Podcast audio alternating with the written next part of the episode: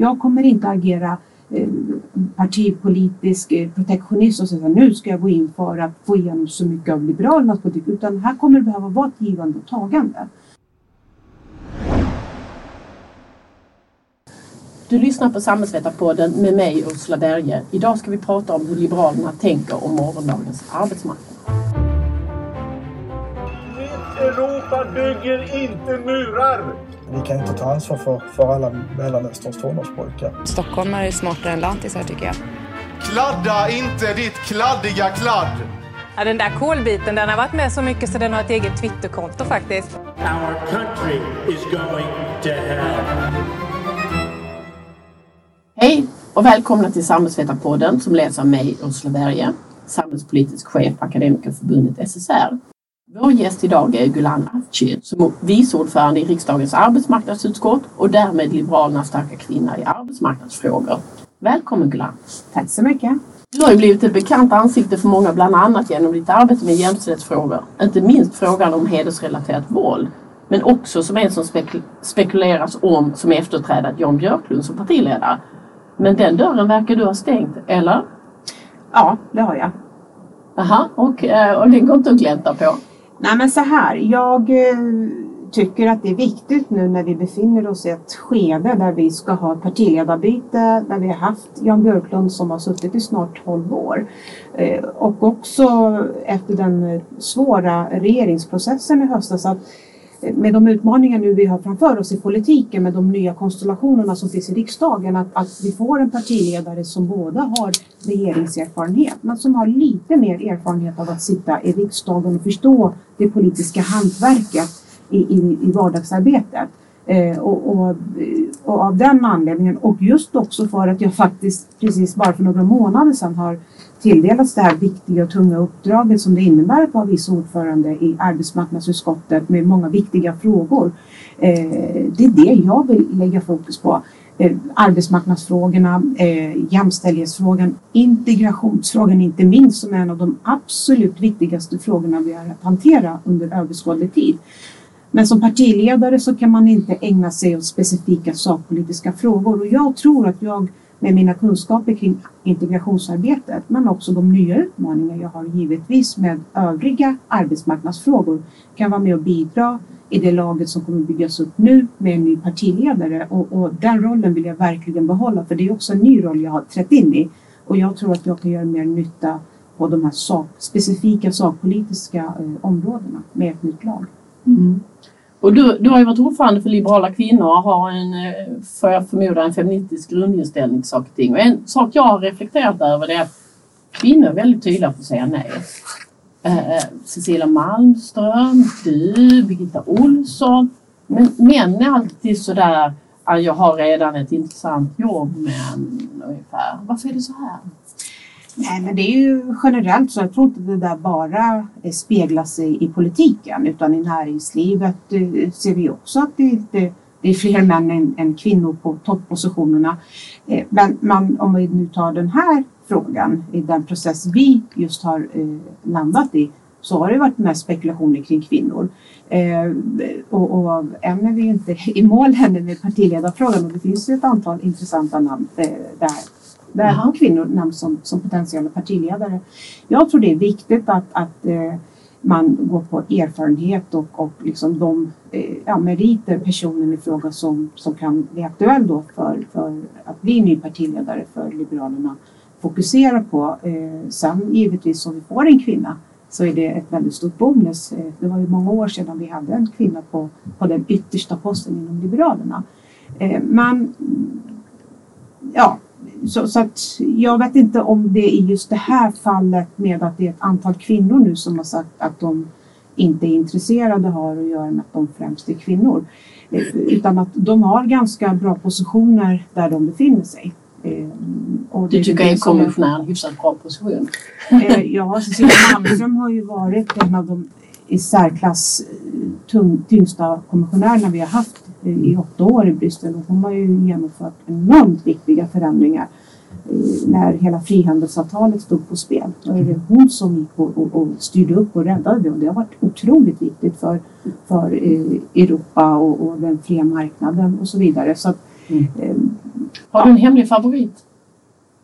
Nej, men jag har ju sagt nu sedan Jan aviserade att han lämnar att vårt parti behöver en öppen och transparent process i att ta fram en partiledare. För att har man haft någon som har suttit i så många år som Jan har gjort så, så blir det ett stort tomrum eh, och en stor lucka. Att, eh, alltså, det, blir, det blir tungt för den nya partiledaren. Och jag tror också att om vårt parti ska få en nystart, för vi har ju också haft ett antal interna ja, men diskussioner och, och i, både kring sakpolitiken men också hela den här regeringsprocessen som har eh, ja, men, skapat en del eh, ja, splittringar och, och, vi behöver en partiledare som kan ena partiet, som kan hitta en färdriktning framåt för oss.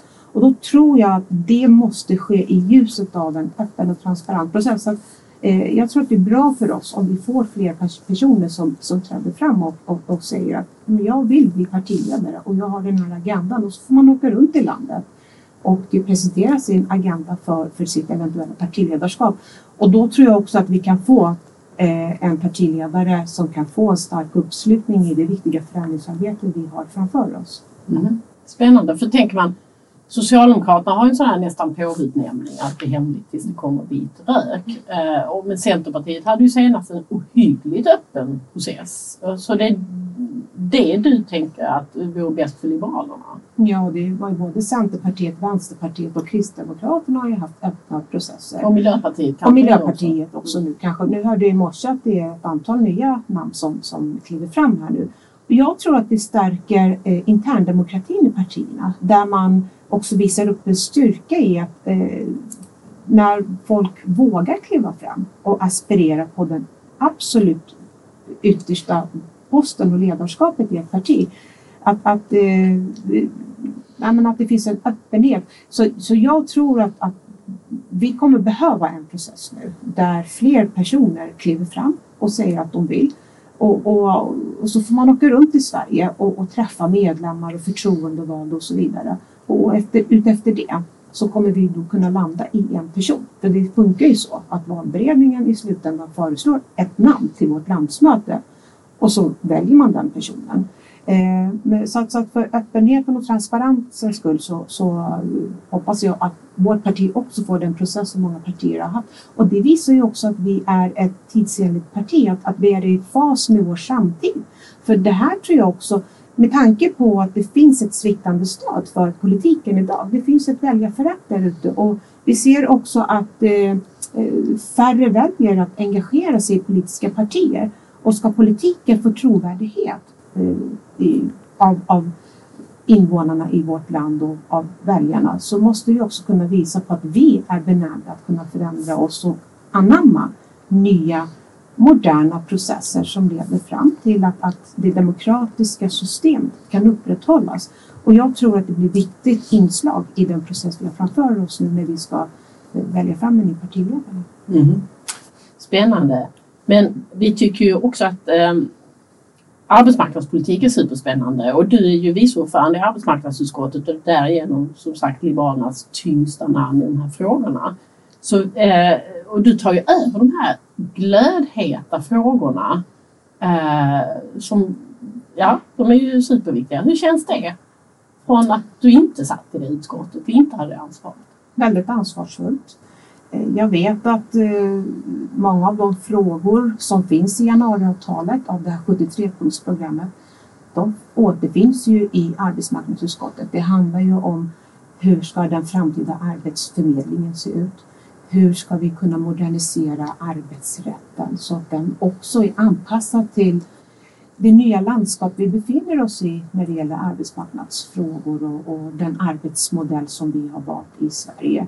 Eh, så utifrån det perspektivet så är jag väldigt ödmjuk inför det här uppdraget. Eh, och jag kommer göra mitt yttersta nu att vi i de samtal nu som vi har framför oss med regeringspartierna tillsammans med Centerpartiet att faktiskt också gå in på djupet och se vilka strukturproblem har vi på svensk arbetsmarknad idag som, som stänger ute eh, en del grupper, inte minst nyanlända, unga människor. Hur ska vi skapa en flexibilitet som också innebär trygghet för människor att kunna våga växla om? Hur ska vi bejaka årsrika människors möjlighet att faktiskt kunna vara kvar på arbetsmarknaden på deras villkor med den arbetslivserfarenhet de har och kan också transformera över på de unga anställda. Så att det är många utmaningar. Eh, vi behöver både se till att sänka trösklarna eh, in på arbetsmarknaden. Vi behöver också ta oss an, som jag sa i början av programmet, alltså de integrationsutmaningar vi har som är kopplade till svensk arbetsmarknad. Där, upp, där det är uppenbart att väldigt många utrikesfödda inte kommer in på den reguljära arbetsmarknaden. Men hur ska vi också se till att förse branscherna med den kompetensbehov som de faktiskt har. Idag finns det ju enormt stora eh, brister på kompetens. Alltså det är ju, vi har ju väldigt många människor som skulle kunna vara med och, och eh, bidra eh, och, genom att de får ett arbete. Men, men, men jag hör ju också att branscherna, samtidigt som de säger att, eh, att de behöver kompetent arbetskraft, eh, så, så kan inte, de kan inte tillgodose sina behov. Och sen handlar det givetvis om vilka strukturförändringar måste vi göra i våra eh, arbetsmarknads, alltså på, generellt på arbetsmarknaden vad gäller arbetsrätten till exempel. Det är också en fråga som, som finns i vårt utskott som nu vi ska eh, ja, råda bot på och, och, och skapa ändringar. Så det är många viktiga frågor och jag tar mig an det här uppdraget med en stor dos av, av eh, ödmjukhet eh, med insikten att vi kommer behöva både ge och ta i de förhandlingar som vi nu har framför oss. Men vi, kom, vi måste hela tiden säkerställa att vi gör rätt saker. Det tror jag är viktigt och att vi också får en långsiktighet i de strukturförändringar vi ska göra på arbetsmarknaden så att det håller över tid. Därför att vi kan inte ändra på arbetsmarknaden eh, och, och, och sen att det ska bli en fråga som, som, som lever i en osäkerhet eh, beroende på vad det är för regeringar som styr i landet. Vi måste komma bortom detta. Och du har kommit lite till lejonets kula här för det här är ett fackförbund som är en del av arbetsmarknadens parter. Och Sverige är lite speciellt med att arbetsmarknaden styrs inte bara av lagar och politiker utan att eh, politiker har valt genom Saltsjöbadsavtalet efter det att lämna över jättemycket makt till parterna att lösa på arbetsmarknaden själv. Eh, vad, vad är din, eh, i din framtida idealbild av svensk arbetsmarknad, hur ser den relationen ut mellan politik å ena sidan och parter å andra sidan? Men parterna är jätteviktiga eh, för, för hur vi ska forma den framtida arbetsmarknaden. Alltså vi har ju enormt stora utmaningar, inte minst med globaliseringens tidevarv, när vi ser en förändrad arbetsmarknad där digitaliseringen tar allt större utrymme. Vi ser hur eh, en del eh, jobb eh, automatiseras. Alltså hur ska vi kunna hantera den transformeringen? Och där blir parterna jätteviktiga. Ni fackförbunden är jätteviktiga i det här arbetet och arbetsgivarorganisationen är också jätteviktiga. Och vi har en bra arbetsmarknadsmodell, jag vill verkligen poängtera det.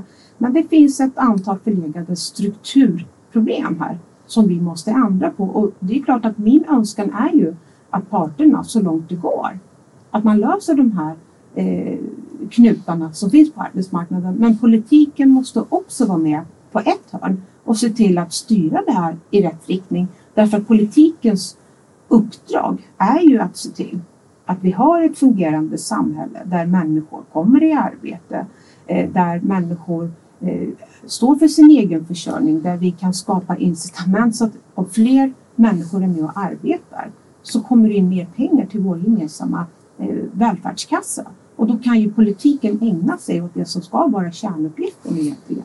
Att säkra en, en bra eh, barnomsorg, skola, äldreomsorg och, och se till att våra viktiga institutioner har rätt förutsättningar att bedriva eh, sitt arbete. Men det är klart att ibland kommer ju också politiken behöva gå in eh, när parterna liksom går väldigt mycket åt, åt olika håll. Eh, och, och, så, att, så att det är viktigt med balans här. Men jag önskar ju givetvis att, att, att det är parterna som löser lönefrågorna och att, att man kommer överens i andra frågor. Men ibland måste politiken gå in. Mm. Och vi kommer in på ett antal av de här frågorna och du har beskrivit några av de strukturproblem du ser, inte minst vad det gäller nyanländas inträde på arbetsmarknaden. Och eh, inför valet eh, förra året så gick ju allianspartierna gemensamt fram med något som heter inträdesjobb och som var att politikerna skulle bestämma att man skulle ha 70 procent av en eh, ingångslön och man ingick i vissa grupper, huvudsakligen då nyanlända. Eh, och då eh, ehm, så svarade ju parterna med någonting som istället hette etableringsjobb. Det vill säga, i någon mening tryckte ni politiker parterna framför sig. Tyckte du att den lösning parterna kom fram till med etableringsjobb var bra? Ja, men det fanns ju ett antal eh, saker som, som inte fanns med i etableringsjobben som, som fanns i den eh, reformagenda som Alliansen hade. Man uteslöt ju ett antal viktiga aktörer i den uppgörelse som gjordes. Och sen kan man ju fundera på hur Du syftar mycket på av stat- bemanningsföretag och kompetensföretagen och, och företag utan kollektivavtal. Mm. Sen kan man ju fundera på, alltså det är otroligt viktigt att, att eh, staten är med och tar sitt ansvar, att man skapar de här viktiga incitamenten för människor att komma in på den reguljära arbetsmarknaden i form av utbildningar och, och arbetsmarknadsprogram för grupper som står lite längre bort. Men, men jag tror att en fråga som vi behöver fundera på framgent det är så här, hur mycket ska staten gå in och subventionera? Extratjänsterna har ju varit ett väldigt tydligt exempel på när, när det skapas en olönsamhet, när man skapar en, en, ett, ett sätt att komma in på arbetsmarknaden men som sen inte leder in på den reguljära arbetsmarknaden. Och här har ju vi i till exempel januariavtalet, om vi går tillbaks till etableringsjobben, nu har ju den fått en annan karaktär än det som parterna kommer överens om eh, 2017. Nu har ju vi sagt klart och tydligt att det här är ett skarpt förslag som ska genomföras 1 juli eh, nästa år, 2020, det vill säga. Men, men, men vi ser att de aktörer som inte fick vara med i den ursprungliga uppgörelsen är att, att Eh, skapa jobb, de måste få vara med på ett hörn också. Och eftersom att vi lever i nya tider med en föränderlig arbetsmarknad så, så är det alldeles nödvändigt att vi får en, en jobbreform som faktiskt bidrar till att fler aktörer kan vara med i det. Sen förstår jag att parterna eh, kan ha invändningar mot detta men det är där politiken måste gå in och ta sitt ansvar, tycker jag.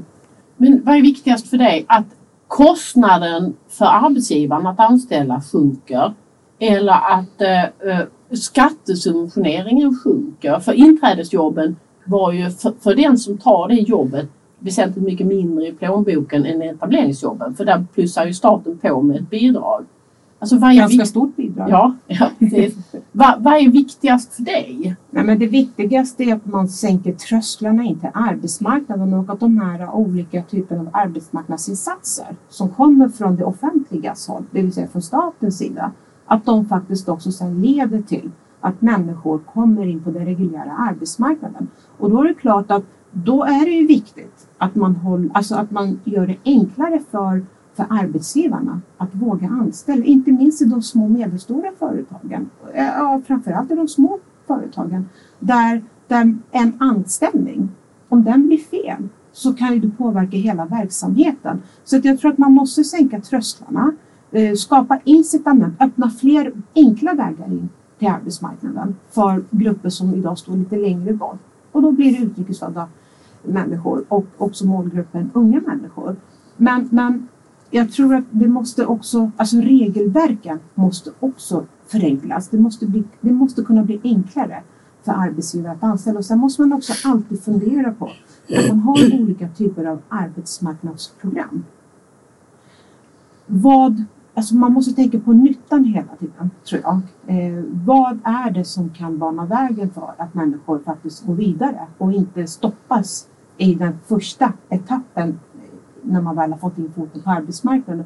Och där är politik, alltså politikens uppdrag är ju då att se till att man kanske, inte, man kanske inte har en uppsjö av olika typer av insatser utan man faktiskt fokuserar på de insatserna som har fungerat, som har lett till att fler människor har kommit i arbete. Nystartsjobben är ett sådant typ av exempel som visat sig att efter avslutad anställning med nystartsjobb så har väldigt många människor faktiskt kommit ut på den reguljära arbetsmarknaden. Men då kanske det är det man ska fundera på. Hur ska man bygga ut den typen av anställnings, eh, eh anställningar istället för att fokusera på det som, som faktiskt inte leder eh, vidare in på arbetsmarknaden. Mm.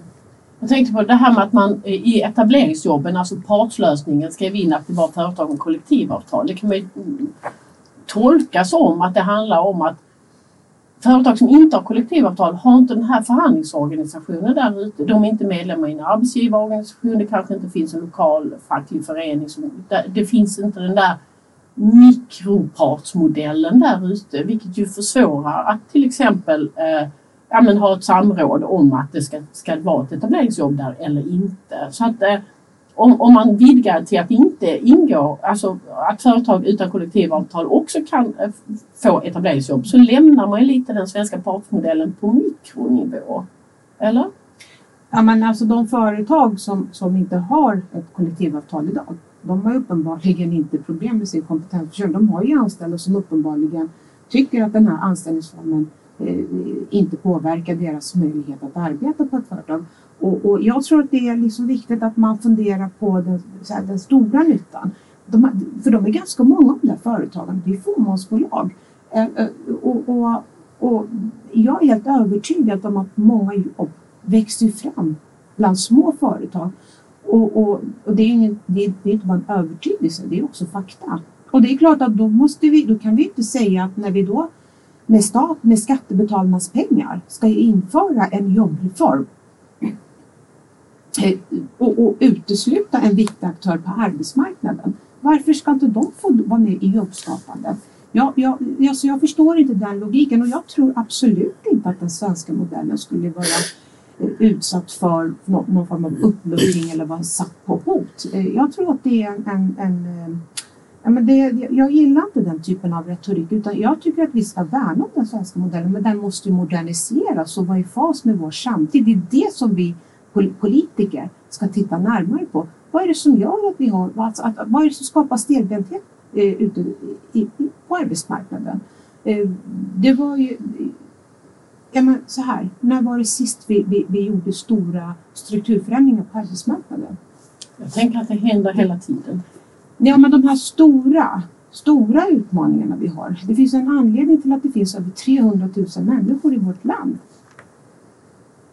så, som har en särskilt eh, utsatt situation och, och, och, och, inte kommer in på arbetsmarknaden. Då måste ju titta på vad är det som gör att de här människorna inte kommer in. Och där spelar ju Arbetsförmedlingen är jätteviktig då. Jag tror att vi kan vi komma in på den punkten också.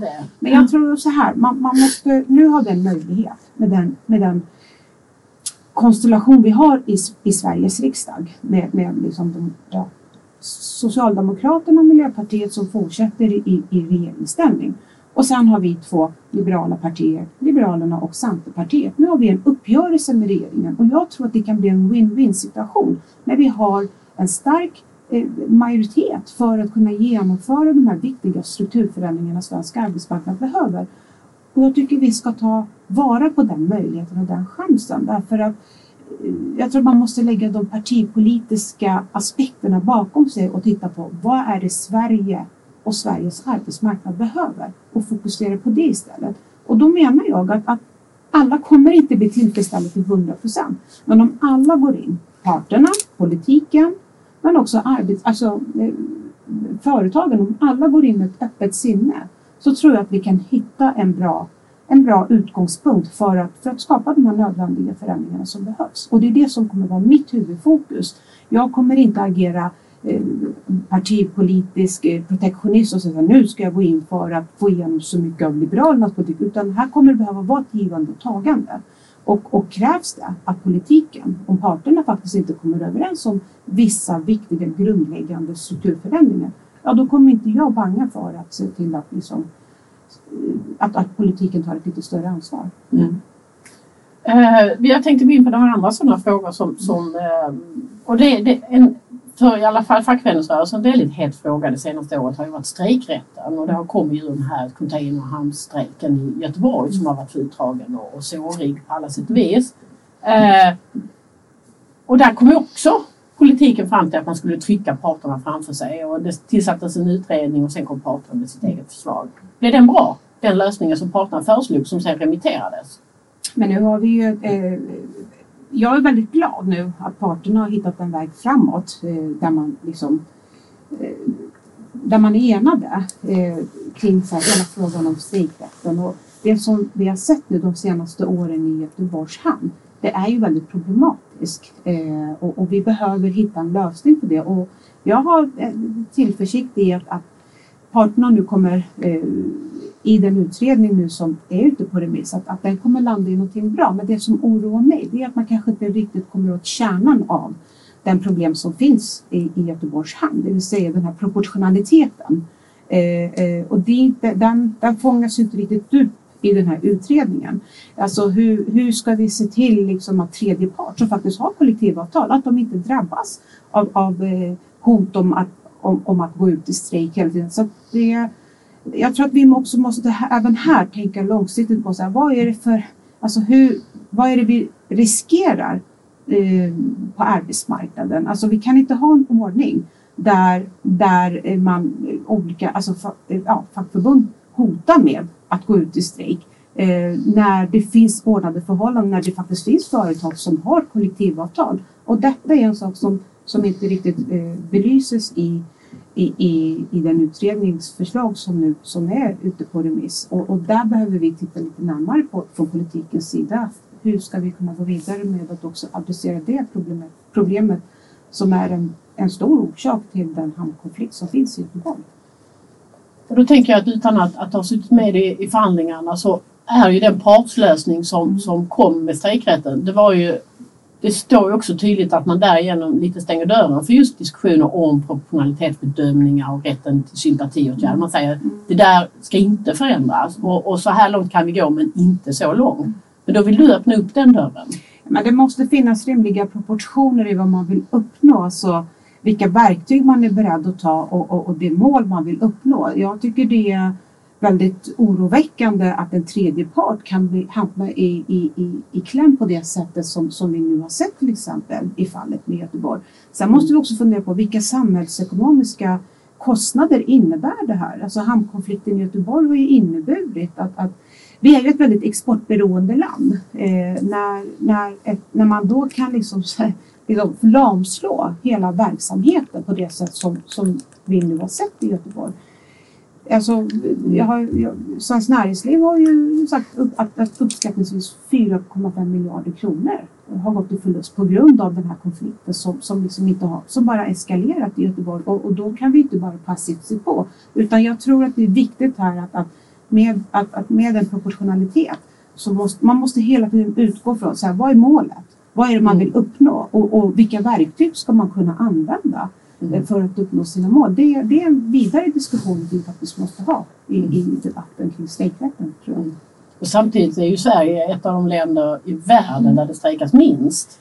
Ja, problemet är ju inte att, strejken, att strejkerna eh, liksom, eh, blir, blir en realitet. Problemet är ju liksom hotet om strejk. Det skapar en enorm osäkerhet också inom, liksom på arbetsmarknaden. Och, och, och det, det, lamslår ju också verksamheter. Så att det, är, det är snarare det här hotet som hela tiden förföljer eh, parten, alltså, som finns, som finns eh, från den ena partens sida som jag är lite bekymrad över. Eh, en sak som, som står i ja-uppgörelsen och som också så ni gick till val på liksom de andra allianspartierna är ju anställningstryggheten. Och då var det väldigt tydlig betoning på vad det gäller LAS just vad det gäller turordningsreglerna. Men där hade ju de fyra borgerliga partierna fyra olika lösningar. vad är viktigast med, med LAS? Om du, ni pratar om att ni vill reformera arbetsrätten. vad är viktigast? Handlar det då egentligen om tur, undantag från turordningsregler eller handlar det i grunden om, om eh, att man ska få ner kostnaderna vid uppsägningar eller det här med uppsägning på grund av personliga skäl. Vad är egentligen viktigast för Liberalerna? Jag tror att man måste se hela den här frågan utifrån olika perspektiv. Turordningsreglerna är en del. Eh, och, det är klart att nu är det ju Centerpartiet och Liberalerna som är de som ska förhandla med regeringen. Och där har vi lite olika ingångar i hur vi vill att turordningsreglerna ska eh, utökas. Vi har ju sagt att från Liberalernas sida så vill vi kunna utöka undantagen från två till fem till exempel med anställda upp till eh, 50 personer och Centerpartiet vill ju ta bort alla undantag. Jag tror så här. Turordningsreglerna är en del av problemet. De är inte ett jättestort problem för de stora eh, arbetsgivarna. Eh, så så att jag, jag är förhoppningsfull om att vi kommer kunna hitta eh, en bra balans där. Det som jag tycker är eh, ett bekymmer, det är det här, alltså vi måste modernisera arbetsrätten på ett sätt som gör att företagens behov av att få rätt kompetens, det är otroligt viktigt. Alltså jag var med på ett eh, eh, frukostseminarium i morse och lyssnade på eh, två utbildningsföretag som, och också eh, ett antal företag från branschen. Eh, truck, truckutbildning. Eh, det, de har ett enormt behov av att få fler utbildade truckförare. Men de kan inte hitta rätt kompetens. Och så var det också från servicebranschen inom hotell och näringsbranschen. Eh, där, där eh, man sa att inom de fem närmaste åren så kommer vi behöva 20 000 utbildade kockar. Och det är klart att om branscherna inte kan få rätt kompetens, då har vi ju ett, ett ganska stort problem på svensk arbetsmarknad. Och vad är det som gör då att, att man inte får den rätta kompetensen? För det är en del också av hela den här diskussionen med så här, vad måste vi göra med arbetsrätten? Hur måste vi modernisera svensk arbetsmarknad? Men det andra är givetvis det här, alltså eh, frågan om uppsägningar. Ska det bli enklare för företagen att kunna säga upp folk eh, på, på personlig grund? Jag, menar, alltså så här, jag tror att vi måste både göra det mer flexibelt för människor att kunna gå vidare, kunna gå vidare till nya jobb. Men vi måste också säkra tryggheten för varje enskild eh, arbetstagare på svensk arbetsmarknad. Och då spelar ju arbetskassan, eh, arbets, eh, a-kassan en väldigt viktig roll. Omställningsskyddet är viktigt samtidigt som vi säger då att vi ska luckra upp arbetsmarknaden, göra den mer flexibel, göra den mer lättrörlig. För, för på så sätt kan vi också både se till att den här kompetensförsörjningen som är en stor utmaning på svensk arbetsmarknad, att vi kan, vi kan hitta en lösning på det.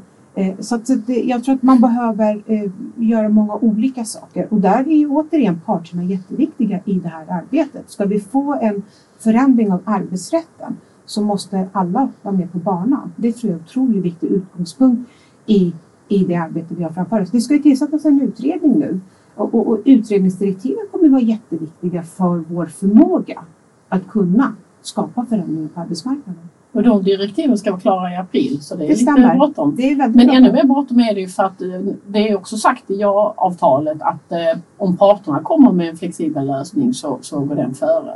Eh, vad måste finnas med om, den där? För om, om, om den liksom... om den är good enough för Ja. dig? Ja, ja, för, ja eller men, för men, alla. där, och, vi har Men ju, vad, vad är good enough? Nej men alltså så här, det är klart att vi ska ju undvika från politikens sida lagstiftning. Men, men, men det är klart att om, om den utredning nu som ska tillsättas, om den går i linje med det som parterna, alltså om, om det finns en överenskommelse om att alla eh, är- med på banan, ja då behövs inte lagstiftning. Men, men är det så att, att vi inte kan få till en, en seriös förändring faktiskt med de viktiga strukturförändringar det innebär att göra om arbetsrätten, ja men då får ju politiken fundera på om inte vi ska Ja, Men om parterna ska lägga ett smart förslag här Ja. som du blir nöjd med. Är det undantag från turordningen de ska fokusera på? men det är, det är en del av Det är del. Ja, det är en del av, av, Men det av, finns alltså fler delar Det finns fler delar, absolut. som vi kommer att få höra mer om sen. Arbetsförmedlingen. Mm. Mm. Dramatiska dagar. Ja. Eh, i januariavtalet var ni tydliga med att ni vill ha en mindre myndighet och att eh, man ska lägga ut saker och ting enligt LOV på fristående aktörer. Då har ni redan bestämt er för att LOV är bästa lösningen. Samtidigt har vi haft en arbetsmarknadsutredning som har suttit i två och ett halvt år som har lite öppnare eh, resonemang. Hur tänkte ni där? Ja, men som sagt, eh, den andra viktiga punkten eh, i januariavtalet handlar ju om Arbetsförmedlingen och, och där tror jag all, de flesta partierna varit överens ändå att, att Arbetsförmedlingen behöver ju göras om från grunden. Den funkar inte idag i dess nuvarande form. Det finns en, en väldigt liten tilltro till Arbetsförmedlingens förmåga att faktiskt kunna uträtta det uppdrag de har fått av, av, av regeringen. Både av kunderna, det vill säga de arbetssökande, eh, allmänhetens förtroende för Arbetsförmedlingen är inte heller jättestarkt, tyvärr. Och också arbetsgivarna. Så, att, så att här behöver vi med den arbetsmarknadsutredning som nu kom eh, i slutet av januari, med det som underlag, faktiskt ganska snabbt påbörja det här arbetet med reformeringen. Och då är ju det här med externa aktörer har ju varit en väldigt viktig fråga. Idag är ju en hel del av arbetet som, som Arbetsförmedlingen utför, det är lagt på externa aktörer. Men jag tror att man behöver en ännu mer tydlighet och, och en transparens. Det jag menar eh, den nya Arbetsförmedlingen behöver, ska, ska fokusera på det är ju eh, uppföljningsansvar, att man kan se till att man har tydliga kontrollmekanismer eh, eh för att följa upp de aktörer som då ska stå för jobbskapandet. Det tror jag är otroligt viktigt. Eh, och, och också e- ett, ett, ett, alltså vi, behöver prata, vi, vi, behöver stycka upp den här frågan i olika delar. För det ena handlar om eh, externa aktörerna. Ska, ska, ska all verksamhet läggas över på dem? Det andra handlar om alltså den nya arbetsförmedlingens uppdrag. Den måste ju renodlas och tydliggöras. De ska ju stå för kontrollen, de ska stå för resultatet, att de ska stå för allt det som har med administration att göra. Men sen handlar det också om en fråga som arbetsmarknadsutredningen också lyfter. Det är ju det här vilka, vilka andra aktörer än de, de privata aktörerna ska få vara med i jobbskapande. Kommunerna till exempel. Det är också en sån här fråga vi måste diskutera. Så jag tänker så här. Vi ska utgå från arbetsmarknadsutredningen och ta det, de, de bra förslagen som finns där. Och så måste vi liksom börja jobba vidare på att, att eh, reformera Arbetsförmedlingen för det är ganska bråttom. Eh, därför att den nya Arbetsförmedlingen, alltså Arbetsförmedlingen har en jätte, jätteviktig roll i, i, i jobbskapandet och se till att människor som idag står utanför faktiskt kommer in på arbetsmarknaden. Och jag är helt övertygad om att vi bör Ja, och, och LOP-systemet är en annan sån fråga. Eh, det som är ett problem idag det är att Arbetsförmedlingen både är utförare men också ser till att lägga jobb på på privata aktörer och därför har vi riktigt inte kunnat få de här resultaten som har varit en, en, en diskussion senaste tiden om huruvida eh, man får ut mer av att lägga arbetet på de externa aktörerna. Men det finns ju ingen tydlig data att utgå ifrån och det är för att Arbetsförmedlingen har ju inte, har ju inte haft det uppdraget att faktiskt eh, utvärdera eh, därför att man utvärderar inte sig själv heller. Då har man ingenting att relatera till när det gäller de externa aktörerna. Så det är många olika ben i Arbetsförmedlingen som, som, som vi behöver räta ut. Eh, mm. Men jag tror att i det behövs en tydlighet i vad den nya Arbetsförmedlingen ska ägna sig åt och vad som ska föras över på, på andra aktörer. Det tror jag är jätteviktigt. Och en, en grej till när det gäller Arbetsförmedlingen. Det här ersättningssystemet. Jag tror att ska vi få trovärdighet i den nya Arbetsförmedling vi nu ska implementera då måste vi ha ett bra, robust och tydligt ersättningssystem. De aktörer, och jag hoppas att de lyssnar nu, som tror att de kan komma in och göra kortsiktiga vinster på den här verksamheten. De kommer inte att bli insläppta utan det här är seriösa aktörer i så fall som ska få vara med i det här viktiga arbetet och, och eh, vi ska se till att inte upprepa det misstag vi gjorde med lotssystemet eh, för att vi ska få en långsiktighet och en trovärdighet i den, ja, i den omreformering av Arbetsförmedlingen som, som nu ska göras. Det, mm. det, det var nämligen min följdfråga. Det finns ju ett antal LOV-lösningar historiskt i Arbetsförmedlingen som har blivit rena katastrofer. Det ena är etableringslotsar som du nämner själv och det andra är jobbcoacher. Eh, hur ska ni undvika en sån katastrof? Ja, det ska vi inte upprepa misstagen.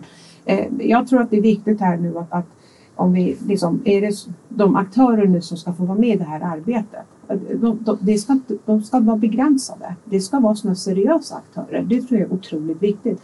Sen är vi också väldigt tydliga med, för vi har ju ett jättestort problem idag. Det är att många, alltså vi har ju 300 000 människor som är inskrivna på, på Arbetsförmedlingen idag som är i en utsatt situation. Alltså det, det är ju långtidsarbetslösa, det är grupper som har haft svårt att, att komma i arbete.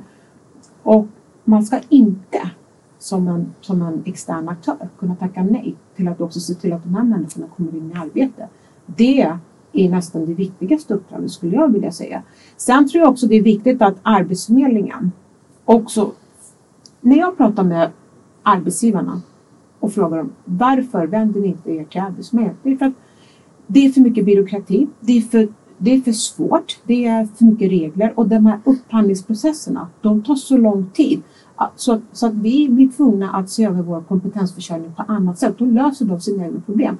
Men vi kan inte ha en arbetsförmedling där vi årligen lägger ut miljarder med kronor från skattebetalarnas pengar i en verksamhet som, inte, som uppenbarligen inte leder någonstans.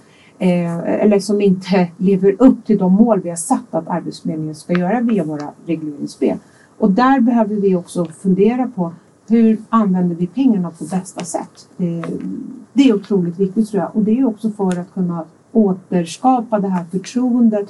Och där, en fråga, alltså det här med alla pratar om att de har, det finns sån enorm kompetensbrist och, och eh, branscherna har svårt att förse, eh, ja, men, att, att, att kunna tillgodogöra sig den här kompetensen. Det finns ju, alltså arbetskraftsutbudet finns men, men det är inte rätt kompetens. Och där har vi också en väldigt stor utmaning och där blir också arbetsmarknadsutbildningarna jätteviktigt att fundera på hur ska vi utforma dem i fortsättningen så att, så att, så att de faktiskt leder till att människor som går en arbetsmarknadsutbildning faktiskt också kommer i arbete. Och där tycker jag att man också ska låta eh, arbetsgivarna få vara med också. Man ska bli mer lyhörd och lyssna på dem. Vad är det för kompetensbrist ni har idag? Vad är det ni önskar? Vad är det för typ av utbildningar, spetsutbildningar som, som, som bör finnas? Eh, och den katalogen vill jag understryka bör inte vara flora av olika utbildningar utan det är verkligen det som måste vara kopplat och nischat till den kompetensbrist som, som, som finns idag. Mm. Jag tänker en fråga som har varit väldigt akut de senaste veckorna det är ju den här stora, stora besparingen på förvaltningsanslaget som Arbetsförmedlingen fick som gjorde att, att eh, generaldirektör Mikael Sjöberg eh, varslade 4 500 personer. Men om man läser siffrorna lite så kan man konstatera att den där, hade man gjort en besparing på 12 månader så hade det varit ungefär 1500 personer man behövde säga upp. Men i och med att det kommer så här sent och det är på grund av den moderata KD-reservationen som gick igenom och beroende på förhandlingar och uppsägningstider och så vidare så måste Arbetsförmedlingen spara alla de här pengarna på två månader och därför varslar man tre gånger fler än vad man skulle behöva. Var det meningen att det skulle bli så här? Men jag kan inte ta ansvar för andra partiers Nej. budgetar. Men vad Eh, tycker du? Nej, men jag tror att den här frågan har blivit lite politiserad också. För att, för att Arbetsförmedlingen har ju haft en förändringsresa och i den har det ingått att också se över den svällande eh, sidan på, på, på förvaltningssidan. Sen är det klart att det är ju, jag vill också understryka att det är väldigt beklagligt att, att, att det berör så många människor. Men, men jag tror någonstans ändå att, att en, en, eh, en nedbantning av förvaltningssidan har varit nödvändig oavsett vad det var för budget som hade gått igenom Sveriges riksdag. Sen att det blev så här, det, ja, Det tror jag många är överens om att det, att det ska skäras ner. Men det, det, om man säger så här, är Liberalerna beredda att eh, göra någonting åt det här i vårändringsbudgeten så att det inte blir så dramatiskt första november eller när det nu smäller till? Men nu har vi ju hela det här arbetet som, som faktiskt påbörjas den här veckan. Den har påbörjats med, med liksom hur vi ska ta oss an den nya Arbetsförmedlingen och oavsett vad vi landar i så kommer det bli eh, en, en mycket smalare förvaltningssida. Därför att vår utgångspunkt det är ju att när den nya Arbetsförmedlingen finns på plats eh, under mandatperioden då ska ju, då ska ju den här eh, nya Arbetsförmedlingen inte ha så många Eh, anställda som man, som, man, som man har idag. Och jag tror att någonstans har alltså Arbetsförmedlingen jag vet inte varför det har blivit så att, att, att eh, det har svällt över så mycket när de här åren på förvaltningssidan och, och det har ju skett på bekostnad av, tyvärr skulle jag säga, att, att inte man har kunnat ha fler jobbförmedlare. Det tycker jag är ännu viktigare. Alltså hur, för, för då blir det fel fokus. Arbetsförmedlingens fokus är att få ut människor i arbete.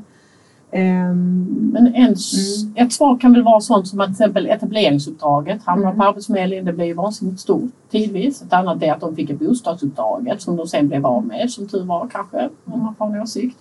Och, och, och det finns ett antal andra. Det här med att så många personer fick, eh, gick från Försäkringskassan in i Arbetsförmedlingen och ansågs ha en arbetsförmåga. Man kan ju också se det som att Arbetsförmedlingen har fått vansinnigt stora uppdrag på kort tid och kanske inte riktigt alltid strukturen eller förutsättningarna att lösa det. Alltså etableringsreformen när den infördes 2010, det var ju en av de, det var den viktigaste reformen på, på integrationsområdet. Vi har ju aldrig sett en sån, så stor eh, reformagenda för att komma till bukt med integrationsproblemen som har varit kopplade till, till arbetsmarknaden. Det är ju klart att man kan alltid vara efterklok och säga så här, ja, borde, borde eh, etableringsreformen ha borde Arbetsförmedlingen ha haft ans- huvudansvaret för eh, etableringsreformen. Nu blev det så och det, det blev det, var blev ju Folkpartiet gigantiskt- som drev igenom Ja men det med absolut och jag är, jag är självkritisk. Ja. Jag, jag säger inte att det var fel men man kanske borde ha funderat. Alltså man, nu i efterhand kan man ju tänka sig ja, men borde Arbetsförmedlingen ha fått det stora uppdraget? Eh, det viktigaste är nu vad vi gör framgent för att saker och ting ska bli rätta, för att vi ska sänka trösklarna och för att fler människor faktiskt ska komma ut i arbete. En fråga vi inte diskuterar det är ju liksom så här, den demografiska eh, utvecklingen i Sverige. Vi har en allt äldre befolkning men vi har färre människor i arbetsför ålder som ska vara med och jobba, betala skatt och upprätthålla vår gemensamma välfärd och faktiskt eh, ta hand om våra äldre eh, som, som också kommer behöva vård och omsorg. Och här, det som jag tycker är ett problem idag, det är att vi missar ju en stor grupp som skulle kunna vara med och bidra till svensk arbetsmarknad. Inte minst alla de som kom efter 2015. Många av dem är på väg att lämna etableringen och jag är livrädd för att de inte kommer komma in, på arbete, in i arbete utan tvingas att och, och hänvisas till, till kommunernas försörjnings eh, stöd. Och det är ett jättestort misslyckande alltså om vi inte klarar av att hantera den här stora integrationsutmaningen. Och därför menar jag att vi behöver, alltså vi, vi måste liksom skyndsamt se till att den nya arbetsförmedlingen finns på plats och att vi också banar vägen för fler, alltså de aktörer som faktiskt har uppvisat goda resultat, att de ska också få vara med i, i jobbmatchningen. Det är otroligt viktigt. Det är så viktiga frågor, vi skulle kunna podda hur länge som helst. Men jag måste ta en avslutande fråga och det handlar om jämställdhetsfrågor. Och en fantastisk reservation, särskilt yttrande jag läste i arbetsmarknadsutskottets betänkande som jag tänker att du är författare till. Och det handlar om Jämställdhetsmyndigheten, en ganska liten myndighet i jämförelse med, med Arbetsförmedlingen men ändå.